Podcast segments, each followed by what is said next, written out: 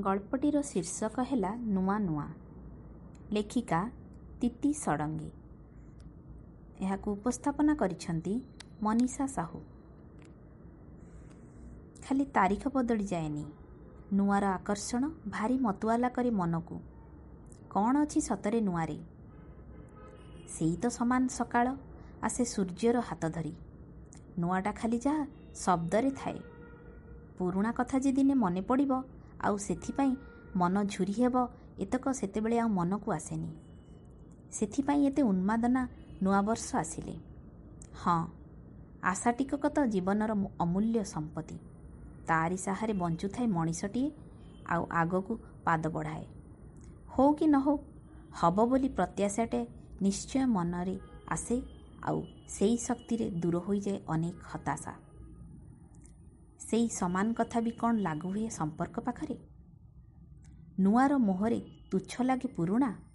କେଜାଣି ଭାବନାର ଗୁରୁତ୍ୱ କାହା ପାଇଁ କେମିତି? ଅଫିସର ଶେଷ ଚିଠିଟା ଟାଇପ୍ କରୁ କରୁ ସେଦିନ ଏମିତି କିଛି ଭାବୁଥିଲା ଲିନା। ସମସ୍ତେ ଏବେ ଛୁଟି କଟେଇବେ ମୁଡ଼୍ରେ। ଡିସେମ୍ବରର ଶେଷ ତାରିଖ।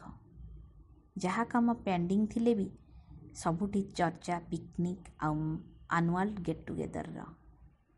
ଏଥର କ'ଣ ଗୋଟିଏ ଡ୍ରାମା ବି କରୁଛନ୍ତି। ସ୍କ୍ରିପ୍ଟ ଲେଖିଛି ଅଫିସର ପିଲାଟିଏ।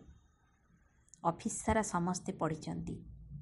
ସେମିତି ନୂଆ କିଛି ନାହିଁ ଅବଶ୍ୟ ଷ୍ଟୋରିରେ ହେଲେ ଉପସ୍ଥାପନା ଶୈଳୀ ସମସ୍ତଙ୍କ ମନକୁ ଛୁଇଁଛି। ହେଲେ ଲୀନା ଏସବୁଠୁ ଦୂରରେ ବୋଲି ଅଫିସର ସମସ୍ତେ ଜାଣିଛନ୍ତି। ତାର ଇଣ୍ଟରେଷ୍ଟ ଅଛି କି ନାହିଁ ସେଇଟା ଭିନ୍ନ କଥା। କିନ୍ତୁ ତା ହଜବେଣ୍ଡ ଯେହେତୁ ତା ସାଙ୍ଗରେ ରହେନି।